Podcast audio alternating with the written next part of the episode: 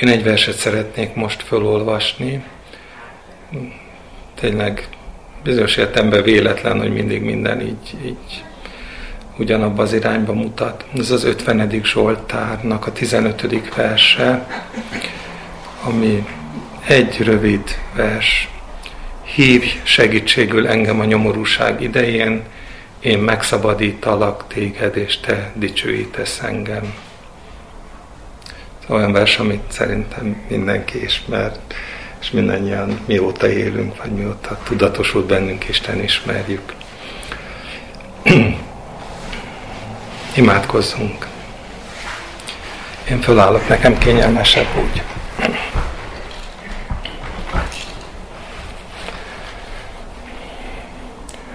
Uram, olyan önegyszerű vers, annyira első hallásra és a felületet nézve úgy gondoljuk, hogy ezek ilyen mindannyiunkban ott élő dolgok, hiszen mindannyian esünk nyomorúságba, meg estünk, meg még fogunk is. Meg mindannyian már segítségül hívtuk többször is a te nevedet, és, és mindannyian megtapasztaltuk azt, hogy te szabadító Isten vagy. Most éppen Gábor tapasztalta meg, és hálásak vagyunk érte. És hálásak vagyunk azért, hogy akkor is, hogyha mi olyan gyakran a szabadítás után elfelejtjük, ahogy a tíz bélpoklosból kilenc elfelejtette a szabadulást és a dicsőítést és a hálaadást, de köszönjük, hogy te ettől még szeretsz, és továbbra is megtartasz minket. És most így könyörgünk Andrásért és Andrisért, Tánya férjéért, és mi könyörgünk, hogyha ő nem is hinne te benned, te tudod, mit végzel a szívében, de mi könyörgünk azért, hogy szabadítsd meg nyomorúság idején, szabadítsd meg a betegségből, és kérünk, hogy ahogyan elvégezted a Szandra szívében is azt a csodát, hogy fölismerte, hogy, hogy nincs és kapcsolat, és nincsen, nincsen mindenható plusz ez, plusz az, vagy a hitetlenség, hogy Andris is fölismeri azt, hogy te vagy az az Isten, aki megszabadítod őt, és és ébredjen hála a szívében azért, nem mi szívünkben is, hogy alkalommal alkalomra megtapasztalhassuk, hogy Te hűséges Isten vagy, aki megtartod az ígéretedet. Köszönjük, hogy együtt lehetünk, köszönjük, hogy ebben is Te vagy hűséges. Átvezetsz minket a próbákon, átvezetsz, túl mutatsz a saját korlátainkon, elvárásainkon, és tanítasz arra, hogy ne reménykedjünk a látható dolgokban, az eredményekben, a sikerekben, hanem hogy egyetlen egy valakiben reménykedjünk, és azt te vagy, hogy reménykedjünk abban, hogy te számon tartod a hajunkat is, hogy te igazgatod a világtörténelmet, a politikát, a háborúkat, hogy te vagy az, aki, aki, aki emelsz királyokat, és te vagy az, aki döntesz királyokat, és hogy te vagy az, aki ebben az egész méretetlen nagy káoszban, amit az ördög megpróbál kihasználni, te mégis biztos kézzel uralkodsz és vezeted a tiaidet a te országod felé. És kérjük is, hogy tedd ezt meg az életünkben. Azt énekeltük, és olyan jó volt ezeket énekelni, hogy, hogy ha egyek vagyunk, akkor kérésünkre felelsz, Uram és Urunk, nem tudjuk, hogy mindenben egyek vagyunk-e. Azt gondoljuk, hogy nem, nem, nem is tudjuk, hogy ez mit jelent, de abban egyek vagyunk, hogy szeretnénk megismerni téged, szeretnénk a te akaratodat a mi életünkben beteljesedni. És igen, kérünk, hogy hallgass meg a ki nem mondott gondolatainkat is, azokat, amelyeket egyedül a lélek ismer, és ő könyörög érettünk kimondhatatlan fohászkodásokkal, hallgass meg a szavakat, amik még az ajkunkon sincsenek. És sok ilyen gondolat az egészen egyértelműen földi áldásokért kiált hozzád, mert emberek vagyunk, akik minden jó szándék mellett is nagyon gyakran a láthatókra nézünk, de te tudod megadni azt, hogy egyre inkább átforduljanak a gondolataink és a kívánságaink abba az irányba, aki te vagy, és addig is hálásak vagyunk azért, hogy annyira bőséges és annyira adakozó atya vagy, aki azt ígérted, hogy gyönyörködjél az Úrban, és megadja a te szíved kéréseit. Ma is gyönyörködni szeretnénk benned, kérünk, hogy légy jelen áldásoddal, az igével, a fényjel, a világossággal. Te legyél az, aki, aki építesz minket, mert egyikünk se tudja a másikat építeni a legjobban fölépített beszédekkel sem. Egyedül te vagy az, az Isten, aki áldásá formálod és meggazdagítod a tőled származó igét, hogy ne térjen vissza üresen. És most ezért is áldunk és magasztalunk téged. Amen. Amen.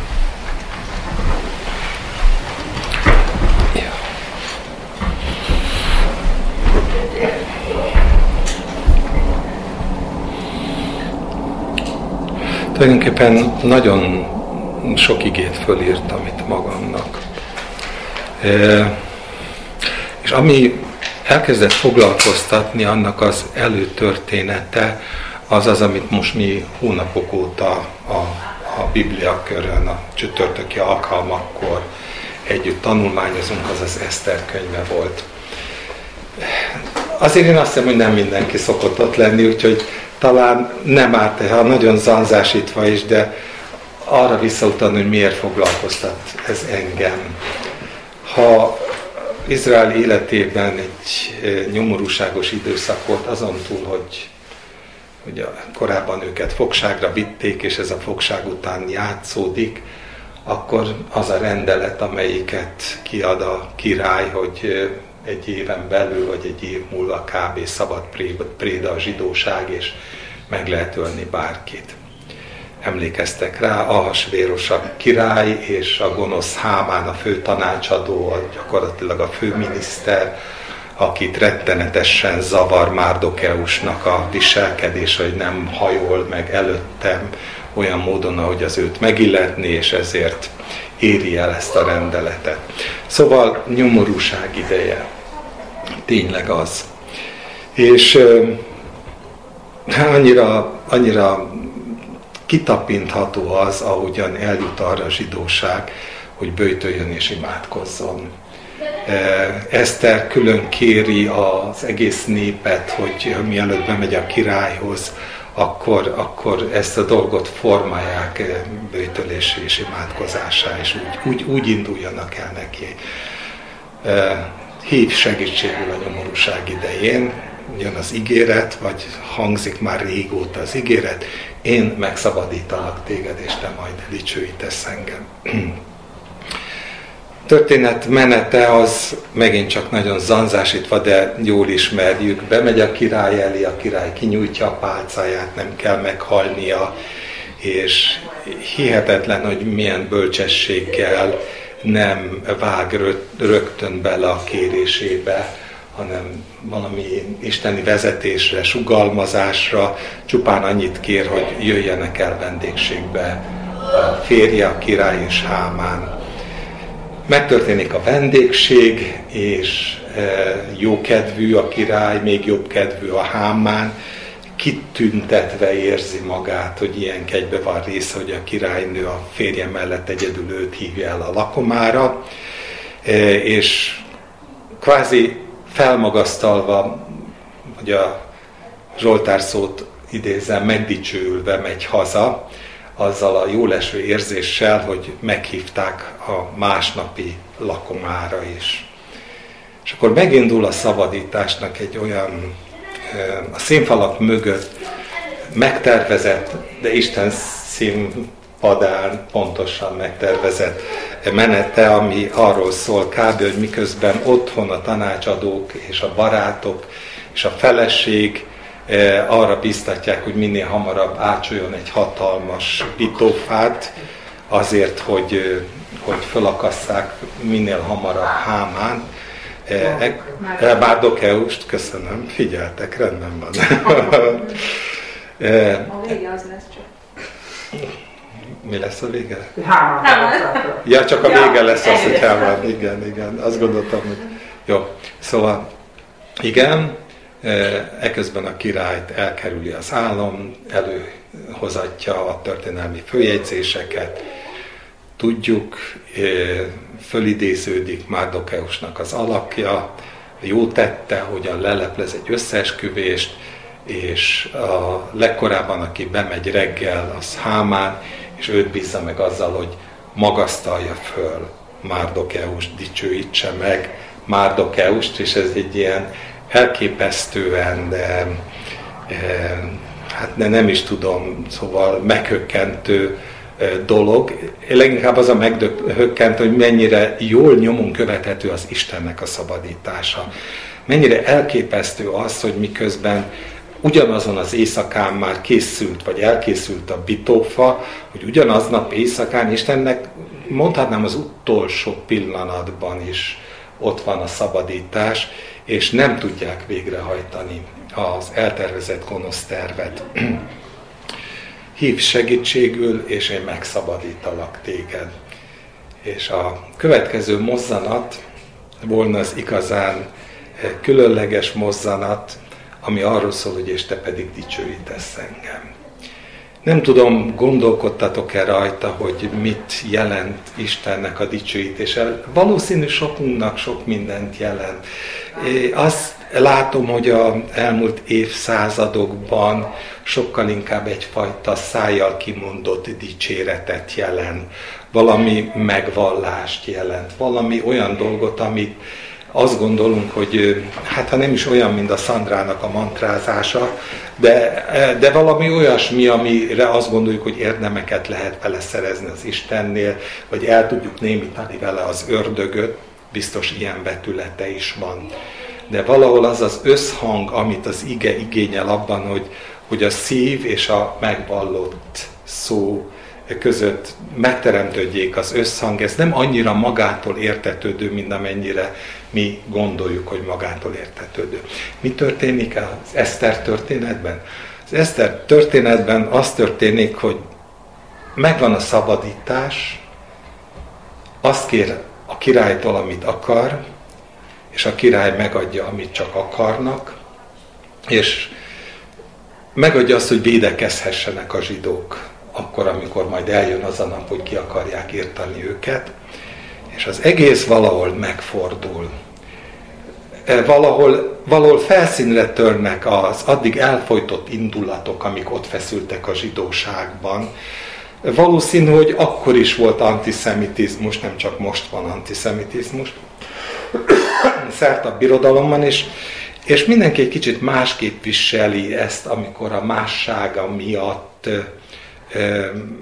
érzi, hogy nem találja úgy a helyét a társadalomban, ahogyan a többi ember találja. Lényeg az, hogy elszabadulnak az indulatok, és, és a vége abba torkollik, hogy a zsidóság egy, egy fékevesztett gyilkolásba fog. És gyakorlatilag megsemmisíti az ellenséget, igazi vérengzés, olvasni is rossz volt ahogyan elolvassuk azt, hogy hogyan él vissza, hangsúlyozom, él vissza a zsidóság azzal a szabadulással, amit Isten egyébként megadott nekik csodákon keresztül a történelem hihetetlen, aprólékos, finom részletekig menő összerendezésével, ami akkor ott éjszaka történt. De egészen onnantól kezdve, hogy válaszol az imára és a bőjtő. Tehát minden, minden kész volt. Az egyetlen, ami nem volt kész, az a más az utolsó mondat, hogy és te dicsőítesz engem. Mit jelent az, hogy dicsőíteni teszem föl úriból a kérdést? Azt el tudom mondani, hogy nekem mit jelent. Ugye a doxológia szó aminek a szótöve valahol a dox, de most nem akarok belemenni az ilyen héber, meg görög, akármilyen eh, elemzésekbe, csupán annyit szeretnék mondani, hogy valami olyasmi a folyamat, ami arról szól, hogy a szívemben jónak ítélem meg, amit az Isten tesz velem, olyankor is, amikor a felszínen rossz. Tehát ez a Jakab féle idézet, hogy teljes örömnek tartsátok atyám fél, amikor külön-különféle kísértetekbe estek, ez nem sajátja az óembernek, nem tartjuk örömnek, nehéznek tartjuk a próbákat, menekülünk a próbák elől, de az Isten dicsőítése ott kezdődik, amikor elfogadjuk a próbát, és nem csak fogcsikorgatva próbáljuk el, hanem azzal a hittel, amiről Gábor a betegség kapcsán tett éppen bizonyságot, azzal a hittel, hogy egyébként Isten jó. Amit ő tesz, az jó ha, számon tartja az ukrajnai háborút éppen úgy, mint ahogy számon tartotta a Covid vírus, meg fogja még a jövőben is számon tartani, meg számon tart bennünket, és bizony nem kell, hogy ezt valamilyen rettegéssel, félelemmel éljük meg. E, persze az sem kell, hogy hányaveti módon éljük meg, és úgy csináljunk, mintha mindezek nem léteznének, de az Isten dicsőítése ott kezdődik, amikor meglátjuk az események mögött az, hogy Isten jó. Elfogadjuk, hogy Isten jó. A szívünkben hála ébred irányában, hogy Istenem, Te jó vagy.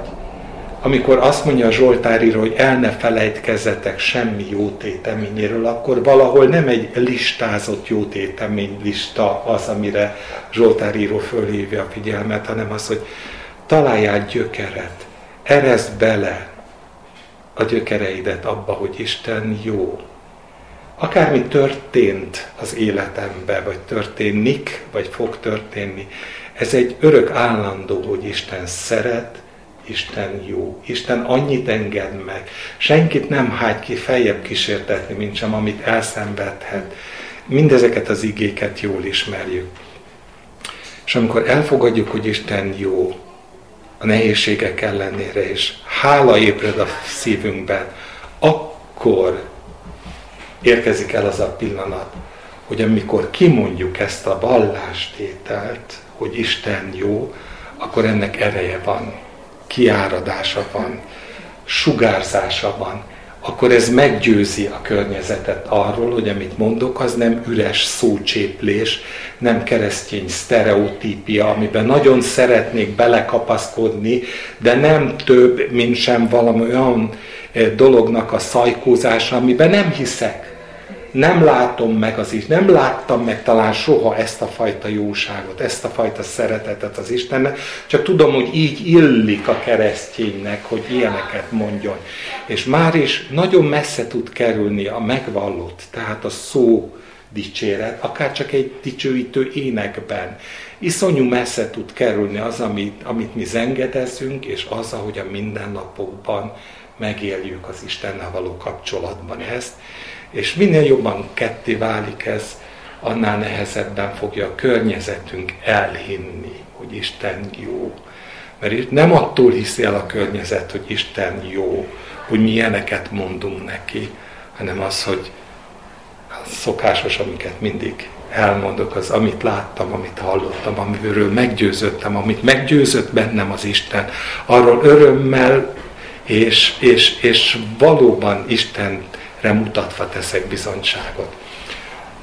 Ha ezt a folyamatot nézem, akkor azt gondolom, hogy nem nehéz látni azt, hogy az a vérengzés, amit elkezdenek ott a zsidók, az nagyon nem azt mutatta meg, ami az Isten szíve. Nem azt mutatta meg, hogy Isten jó. Persze mondhatjuk, hogy Ószövetség, meg nyilván vannak ilyen vetületei is, de azért azt látom, azt látjuk. Sokszor fölmerült ezekben a hetekben, hogy vajon hogy van az, hogy ilyen elképesztő tömény Isten ábrázolás mellett sem hangzik el az Isten neve, egyetlen egyszer sem. Az Eszter könyve az a könyv, amelyikben nem szerepel Isten. Legalábbis nem a felszínen. Soha senki nem ejti ki az Istennek a nevét. És mert arra tulajdonképpen rendkívül szomorú gondolatra jutottunk, és ez ugyanúgy gondolat, mint az összes többi, tehát nyilván nem szeretném ezt ilyen igazságként rögzíteni, hogy lehet, hogy az van mögötte, hogy Isten nem akarja a nevét adni ahhoz, amit ugyan ő kezdett el, de mi fejeztünk be. Amikor az ő dicsőségét, amit ő tényleg nem ad senkinek, az beárnyékolja, beszennyezi, az, ahogyan mi visszaélünk a szabadítással, amit Isten ad nekünk. És ez egy rendkívül súlyos felelősségkérdést vett, vetett és vett föl, hogy hol ér véget a történet. És mi elég önző módon éljük meg ezeket. Addig eljutunk, hogy ráébredünk, hogy nyomorúságba vagyunk. Addig eljutunk, hogy fölkiáltunk az Úrhoz, hogy szabadíts meg bennünket, és nagyon gyakran tényleg örömmel tapasztaljuk meg, hogy hűséges az Isten, és megszabadít bennünket. Csupa jóságból, és olyan csodákon vezet át, mint amin átvezette akkor Eszter mellett Márdokeust és az egész népet. De a történet nem itt fejeződik be. Nem ott fejeződik be, hogy és te megszabadítasz engem, hanem hogy én dicsőítem el. És ez a dicsőítés az, az, az vajon azt eredményezi el, amit kellene, hogy eredményezzen. Hadd olvassak ez ügyben egy, nekem nagyon szeretem, mindenki szereti a főpapi imát. A 20. verstől néhány verset arról, mit jelent dicsőíteni az Istent, vagy hogy milyen fontos az, hogy cselekedeteink összhangba álljanak a szavainkkal. Jézus azt mondja, de nem csak értük könyörgök, hanem azokért is, akik majd az ő beszédükre hisznek bennem hogy minnyáján egyek legyenek. Ő beszédükre hisznek benne. És ez nem valami szócséplés, hogy beszélünk, beszélünk, beszélünk, csupa pozitív megvallás, hanem valami olyasmi, ami abból fakad, hogy ismerem az Isten, és ő ismer engem. És arról beszélek nekik, amit láttam, hallottam, megtapasztaltam az Istenből, nem csak locsogok az Istenről. Tehát azokért is, akik majd az ő beszédükre hisznek bennem, hogy minnyáján egyek legyenek atyám, mint te én bennem, és én te benned, ők pedig mi bennünk, hogy elhiggye a világ, hogy te küldtél engem. Én azt a dicsőséget, amelyet nekem adtál, nekik adtam, hogy egyek legyenek, amint mi egyek vagyunk. Én ő bennük, és te én bennem, hogy tökéletesen egyé legyenek, és hogy megismerje a világ, hogy te küldtél engem, és úgy szeretted őket, amint engem szerettél. Minden összetettsége ellenére a, a, a mondat tulajdonképpen nagyon világos jelentést hordoz arról, hogy ahhoz, hogy megismerje a világ az Istent, annak az elengedhetetlen feltétele, hogy mi egyé váljunk vele. Teljes, minél teljesebb a lényünk a vele való egyéválásban, annál természetesebben ő árad ki rajtunk keresztül. És minél felszínesebb a vele való egyéválás, minél jobban szétválik a cselekedetünk és a szavunk, annál kevésbé fogja megismerni a világ az Istent, és fog helyette megismerni egy-egy rendszert, egy-egy felekezetet, egy-egy teológiát, ami megpróbálja leképezni az Istent, de amire szükség van, az, hogy a övéinek odatta azt a dicsőséget, ami tulajdonképpen ilyen módon azt jelenti, hogy jónak látják az Isten munkáját, egyetértenek az Istennel, hálásak és megvallják. Jézus átment ezen a folyamaton. Átment ez a, egészen addig, hogy tudta, hogy, hogy igen, jó volna testileg, hogy, hogy bár megszabadulhatna, de azt mondja, de hát ezért küldtél, és én ezért vagyok itt. És a következő mondat a fölkiáltás, hogy dicsőíts meg magadat, dicsőíts meg engem. Hadd legyen olyan az élet, amelyiknek van értelme, hogy most kiontom, hogy most odadom, hogy ez, ez, ez ne csak egy, egy felszínes cselekedet legyen arról, hogy, hogy erre rendeltél, hanem legyen mögötte az a mély Isten ismeret, hogy én egyetértek, és én odaáldoztam magamat, ő érettük, és tényleg szívből, saját akaratomból, ahogy mondja, hogy van hatalmam letenni, és van hatalmam fölvenni. No, Hát ez az a rész, azt gondolom, ami, ami elmaradt, és amit pedig Isten rendkívül ö, komolyan vesz a saját ö, részéről. Én mostában nagyon sokszor beszéltem bele arról, hogy noha mindent nekünk adott Isten a Krisztusban, tényleg mindent nekünk adott, de ez a mindent nekünk adás olyan mértékig a miénk, amilyen mértékig mi hiszünk, amilyen mértékig elfogadjuk.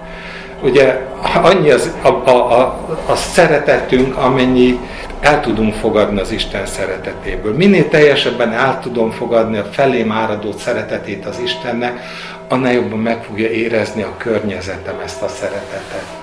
Hogyha nem tudtam elfogadni az Isten szeretetét, akkor nem tud kiáradni belőlem az Istennek a szeretete. Hogyha nem tudom elfogadni az Istennek az erejét, akkor nem tud kiáradni belőlem az Istennek az ereje. És folytathatnánk tovább, de az Isten országának a építésével kapcsolatban is ugyanez igaz. Isten országa olyan mértékig terjed, Isten országa olyan mértékig terjed, amilyen mértékig mi engedjük, hogy bennünk ez az ország megvalósuljon. És Istennek ez a vágya, hogy terjedjen az ország. Hogy megismerje a világ, hogy vallást tegyen a világ arról, hogy Isten jó, minden terve jó, a leg konfliktus teljesebb időszakokban, krízis helyzetekben is Isten Úr, és amit mond és amit tesz, az jó. És, ezt, és erre hívott el. Erre hívott el személyenként mindannyiunkat, hogy ez áradjon ki belőlünk, és ez győzze meg a világot, és ezért vallja a világ az, hogy Isten, ez az Isten, az, akit én szeretnék követni. És ez igen, türelem kell, befogadás kell, szeretet kell, valami olyasminek kell kiáradni, ami csak akkor tud kiáradni, ha bennem megszületett, ha benned megszületett, ha, ha bennünk megszületett. Ez nem tudott kiáradni a zsidóságból ott az Eszter könyvébe. De hogy mondjak egy legalább ennyire markáns történelmi példát, mert legalább ilyen mélységig hordozza ezt a tanúságot. Mózes. Olvasnék megint néhány verset a négy Mózesből. Négy Mózes 20, mindannyian föl fogjátok ismerni a részt.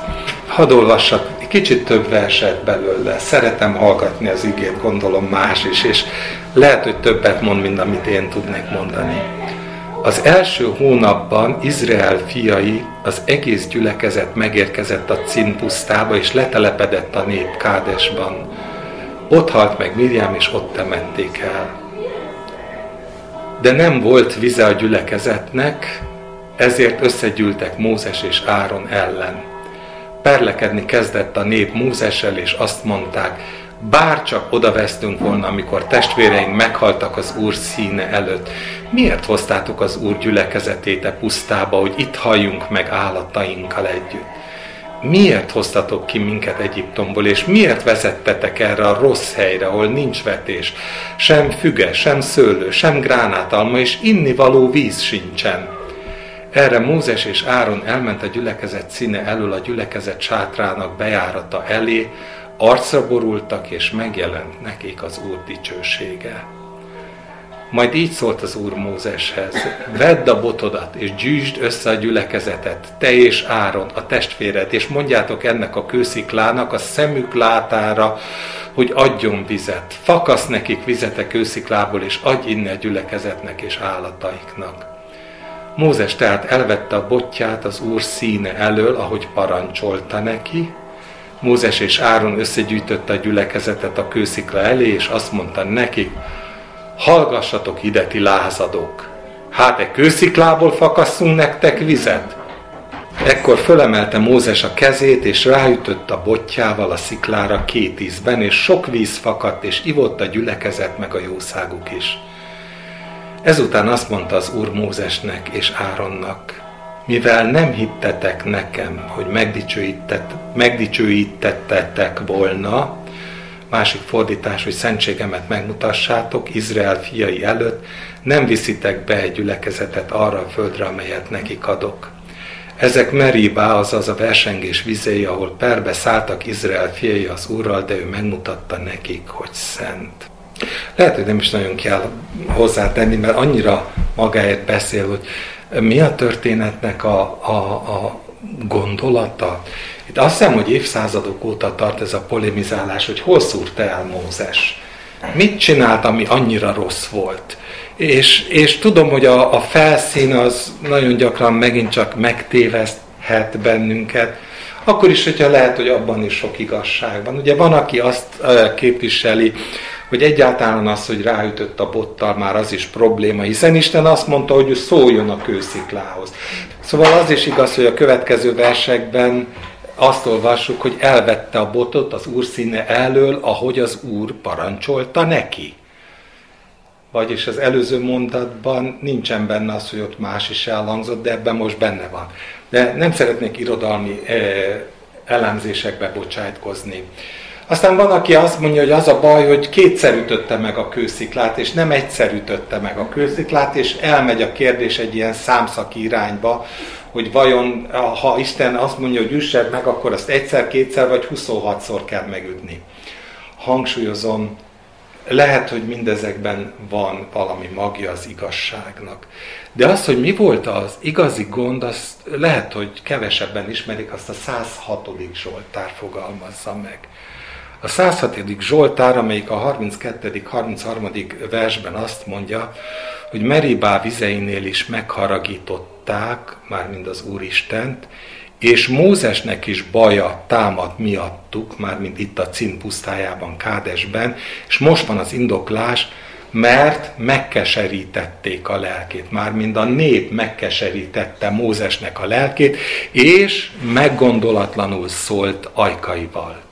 És én nekem ez az, amivel annyira egyezik a lelkem, hogy megértsem azt, hogy, hogy mi is volt ez, amikor Mózes megkeseredik, tele van a hócipője jó pestiesen, hogy ő annyit beleáldoz ebbe a népbe, folyamatosan más sem csinál, csak szolgál, szolgál, szolgál, szolgál, ezek hálátlan kutyák folyamatosan, és persze az Isten ellen rugódoznak, de ő ugyanúgy megéli egyfajta módon, hogy, hogy milyen elképesztően nehéz ezzel a néppel bármit is kezdeni, és akkor elhangoznak ezek a mondatok, amik, hát én most egy picit hangsúlyozva mondtam, és nem véletlen, amikor azt mondja neki, hogy, hogy hallgassatok ide, ti lázadók. Érzitek ennek a lelkületét? Azt a lelkületet, amelyik akármennyire indokolt, de fölül emelte magát a többieken. Az, azt a lelkületet, amelyik hirtelen elfelejtette, hogy kegyelemből az, aki. Az, hogy Isten megdicsőítette magát Mózesen keresztül a fáraó elől, az nem Mózesnek tulajdonítható, és nem a botjának tulajdonítható, hanem a mindenható Istennek tulajdonítható, akinek az volt az akarata, hogy egy ilyen alázatos ember maradjon mindvégig ugyanilyen alázatos, akármi éri, és akármennyire terhére van a környezete, akikkel neki szolgálni kell, soha ne felejtse el az, hogy Isten szereti a népet. És ha Isten szereti a népet, akkor én nem mondhatom azt, hogy lázadó kutyák vagytok, akkor nem viselkedhetek velük úgy, mint aki kegyet gyakorol azzal, hogy avagy adjunk én nektek vizet, már mint ki az Úr, meg én, vagy Áron, meg én, vagy hogy ti, a ti jólétetek azon múlik, hogy hogyan viszonyultok én hozzám, vagy mi hozzánk, avagy megérdemlitek ki, hogy vizet fakasszak nektek ebből a sziklából. Persze, hogy nem érdemelték meg. De ezt, ha nem hangsúlyozza Mózes, akkor is az Istennél eldöntött kegyelem volt, hogy ő vizet fog adni nekik a sziklából. Miért mondom? Mert ugyanaz a képlet, nyomorúság. Isten beleengedi a nyomorúságba a népet. Mind ahogy mennünket is beleenged a nyomorúságba, és nekünk is azt mondja, hogy teljes örömnek tartsátok, amikor beleestek. Jó, beleestek a nyomorúságba, és jó, segítségért kiáltani kellett volna az Úrhoz, de ők a segítség kiáltás helyett csak egyszerűen lázadoztak. De még így is meghallgatta Isten őket.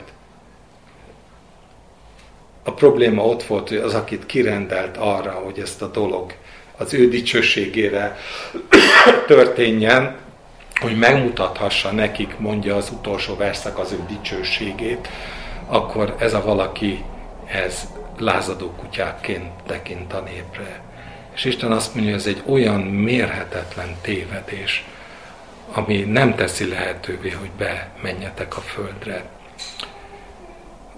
Ugye a gondolat ugyanaz most is, hogy van egy elkezdett munka, amit Isten kezd el, mindent előkészít, kész a szabadítás, és elrontja Mózes azt, hogy megjelenjen az Úr dicsősége, pedig ő neki azt olvastuk, hogy megjelent az Úr dicsősége a sátorban. És most megint, eh, annélkül, hogy különösebben vizionalizálni szeretném, hogy mit jelent, de azt jelentette, hogy Isten világosan föltárta nekik, hogy ő jó, ő neki terve van ezzel az egésszel, és nincs semmi más dolguk, mint beleállni ebbe a tervbe, és végrehajtani ezt a tervet, és akkor a nép is látni fogja már megint, hogy nem veszett kutyák ők, hanem Isten szeretett népe, akiket papságként választott, akiket arra hívott el, hogy dicsérjék, hogy ezt elmondják, és hogy, hogy, hogy bizonyságot tegyenek róla. Úgyhogy túlkapás, megint csak azt látjuk, ami beárnyékolt aztán Mózesnek az életét. Jakab mondja azt, hogyha valaki istenfélőnek tartja magát, ez a Jakab 1.26-27, de nem fékezi meg az ő nyelvét, hanem megcsalja maga szívét, annak az Isten tisztelete hiába való. És abban az értelemben is óriási felelősség, hogy arról beszél, hogy akkor az, amit, amit csinálsz, ami nem csupán az Istennek szól, hogy én tisztellek téged, tehát nem, nem a én, én személyes kapcsolatom csupán az Istennel, hanem az is, hogy ennek mindig a célja az az, hogy én tisztelem az Istent, és közben a környezetem Isten ismeretre jut. Akkor hiába való. Hogyha képtelenek vagyunk arra, hogy vigyázzunk a nyelvünkre, vigyázzunk a mondani valónkra, ha ugyanabból a szájból jön ki áldás meg átok, mondja Jakab, akkor, akkor akármennyire, akármennyire szeretnénk úgymond munkatársai lenni az Istennek, nem tudunk. Mert Isten nem azt várja, hogy, hogy építsünk klubokat, hanem azt, hogy engedjük, hogy az ő dicsősége rajtunk keresztül kiáradjon és megteremje azt a gyümölcsöt, hogy amit Jézus mondott, hogy megismerje a világ. Én nekik adtam. Láthatják ezt a dicsőséget, láthatják azt, hogy te jó vagy. Bennem meglátták. És nekik adtam, hogy kiáradjon rajtuk keresztül. szóval azt hiszem, hogy mindez elvezet bennünket a felelősségnek a kérdésére, hogy milyen óriási megint csak a mi felelősségünk. A mai társadalomnak talán a legnagyobb gondja az az, hogy rászoktatott bennünket arra, hogy lehet élni Isten nélkül. Tehát a probléma megoldásunk az zöme el se jut addig, hogy hív segítségül engem a nyomorúság idején. Mert olyan jóléti társadalmakban élünk, ahol ez a dolog, hogy nyomorúság csak nagyon ritkán merül föl. Most mondjuk egy háború kapcsán fölmerül, de vagy egy Covid kapcsán fölmerül, de azért úgy nőttek föl generációk a második világháború óta, hogy egyre kevésbé játszott szerepet a hív segítségül a idején. Az emberek megtanultak a tartalékaikból élni. Az emberek megtanultak tulajdonképpen csak akkor támaszkodni az Istenre, és akkor segítségül hívni az Isten, amikor krízis helyzet állt be. A családban, a gyülekezetben, a valahol a környezetükben, akkor hirtelen az zuhanó repülőgép mindenki tud imádkozni. De, de nem természetes ma már ez a hív segítségül engem a nyomorúság idején. És ennek azért nyilvánvalóan az a, az a következménye, hogy, hogy egyre többször egyszerűen bele, elveszítjük a mértéket, és még olyankor is, amikor Isten megszabadít, abban a percben, ha túl vagyunk a szabadítás tényén, akkor nem jutunk el addig, hogy a világ azáltal meglássa az Istent, ahogy mi erre reagálunk, hanem amikor megvan a szabadulás, akkor durván beletenyerelünk az egészbe, és valahol eltorzítjuk, ahogy eltorzította Eszter eh, esetében a zsidóság, a szabadítást, vagy ahogyan Mózes minden, minden istenes élete mellett ellenére is túlkapás áldozata lett, és, vagy végrehajtója lett, és lázadóknak minősítette őket. Szóval látnunk kell, hogy ez a mai reflex látnunk kell, hogy ilyen világban élünk. És látnunk kell, hogy nagyon gyakran ez annyira, annyira megterhel bennünket, hogy észre se vesszük, hogy a világ gyakran azért nem ismeri föl az Istent, mert mi sem a szabadító Istenből élünk. Mi is a tartalékainkból élünk. Persze elhangazanak az, az, az igék a gyülekezetekben, hogy ne aggodalmaskodjatok a holnap miatt, nézzétek a liliomot, meg a, a, a kismadarat, és el is énekeljük, hogy aki a kismadára gondol, annak rád is gondja van, de azért bizony a következő lépésünk az, mintha megcáfolná ezt, mert azért nehezen tennénk erről úgy bizonyságot, hogy közben nincs benne semmi tapasztalatunk, mert megszoktuk, hogy gürcölünk, robotolunk, csináljuk a dolgunkat. Legtöbb hívő családnak az egyik nagy kísértése, hogy a munka az akarva akaratlanul bálványá nemesül, mert a hívő ember az becsülettel és tisztességgel dolgozik, és ez önmagában nem baj, hogy becsülettel és tisztességgel dolgozik. A baj nyilvánvalóan az, amikor mindennél fontosabbá válik, és abból véli megtalálni a jövőt, meg a tartalékképzést, meg mindent, hogy van, hogy megdolgozok érte, és van. és még egy ilyen utolsó gondolat az az, hogy én a gyereknevelés kapcsán gondolok gyakran erre a, erre a mai társadalmaknak, erre az óriási hiányára, hogy ilyen szülőt látnak a gyerekek. Azt lát, és nem csak a világ, hívő szülőknek a gyerekei is azt látják, hogy az apa meg az anya az csinálja a dolgát, dolgozik és él ebben a világban, és tulajdonképpen Kevés lehetőség van arra, hogy úgy tegyen bizonyságot az Istenről, mint aki éppen a nagy nyomorúságban él, meg az Isten szabadítását e, tapasztalja meg, mert, mert nincs rá nagy szükség. Hagy mondjak tényleg nagyon-nagyon rövid személyes tapasztalat. E, nagyon nehéz időket éltünk úgy 8-10 évvel ezelőtt, amikor a gyülekezetből jöttünk már kifelé. Én nekem előtte még nyolc év volt, amíg kivezetett Isten egy másik irányba, és nem erről szeretnék beszélni, hogy ebben kinek mi a szerepköre. Arról viszont szeretnék beszélni, hogy egészen döbbenetes volt a gyerekekre való hatása. Ezek voltak azok az évek, amikor a nagygyerekeim Isten ismeretre jutottak. És ezek voltak azok az évek, amikor fölnőttek, és azt mondták, hogy apa, nekem kell az az Isten, amik, akit te imádsz. Pedig semmi nem történt, én csak tettem a dolgomat. Semmi nem történt, de Isten belevezetett egy nyomorúságba, és nem volt könnyű a nyomorúság, de mindig,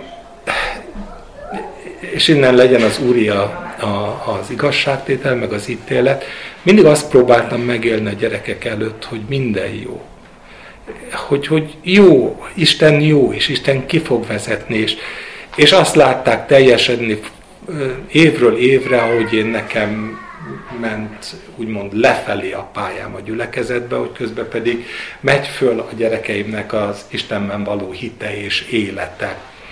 És tudjátok, most túl vagyunk rajta, és most látom a kisebbeken, hogy ők, akik már nem ebben nőttek föl, akik nem élezték meg család testközelségből a nyomorúságnak, vagy a próbáknak ezeket a szeleit, azok felé sokkal nehezebben tolmácsolom azt, hogy ki az Isten, mert nem teremtődik úgy alkalom, hogy belelássanak az életembe, az életünkbe, a döntéseinkbe, hogy, hogy, hogy felsorakozzanak mellette, vagy éppen véleményük legyen róla, mint mindazokban az időkben. Úgyhogy én is azt gondolom, teljes örömnek tartsátok. A gyerekeitek miatt is tartsátok teljes örömnek. Mert nehéz De hogyha megállja az ember a próbát, akkor viszont ténylegesen gyümölcs termő. És erre hívott az Isten. Arra hívott, hogy fogadjuk el a próbákat. Arra hívott, hogy ne a tartalékainkból éljünk, és ne azokban bízunk, hanem ő benne bízunk. Őt keressük, és valahogy szokjunk már le arról, hogy, hogy, hogy mindig a látatókra nézünk, meg a saját eredményességünkre nézünk. Nézzünk rá, és, és minél jobban ránézünk, annál inkább valóságá válik az, ami Jézusnak az imája. Hogy meg fogja ismerni a világ, hogy az Isten Isten. És hogy akit elküldött az ő fia, az meghalt mindenkiért. No, hát ezek voltak a tanulságok nekem, és kívánom, hogy, hogy, hogy az életünk olyan legyen, amit úgy lehet majd fölismerni, hogy, hogy ott van benne az Isten, akár leírva, akár kimondva, de nem fog a feledés homályába merülni az Isten neve, mint ahogy ez az Eszter könyvében látjuk. Amen. Amen.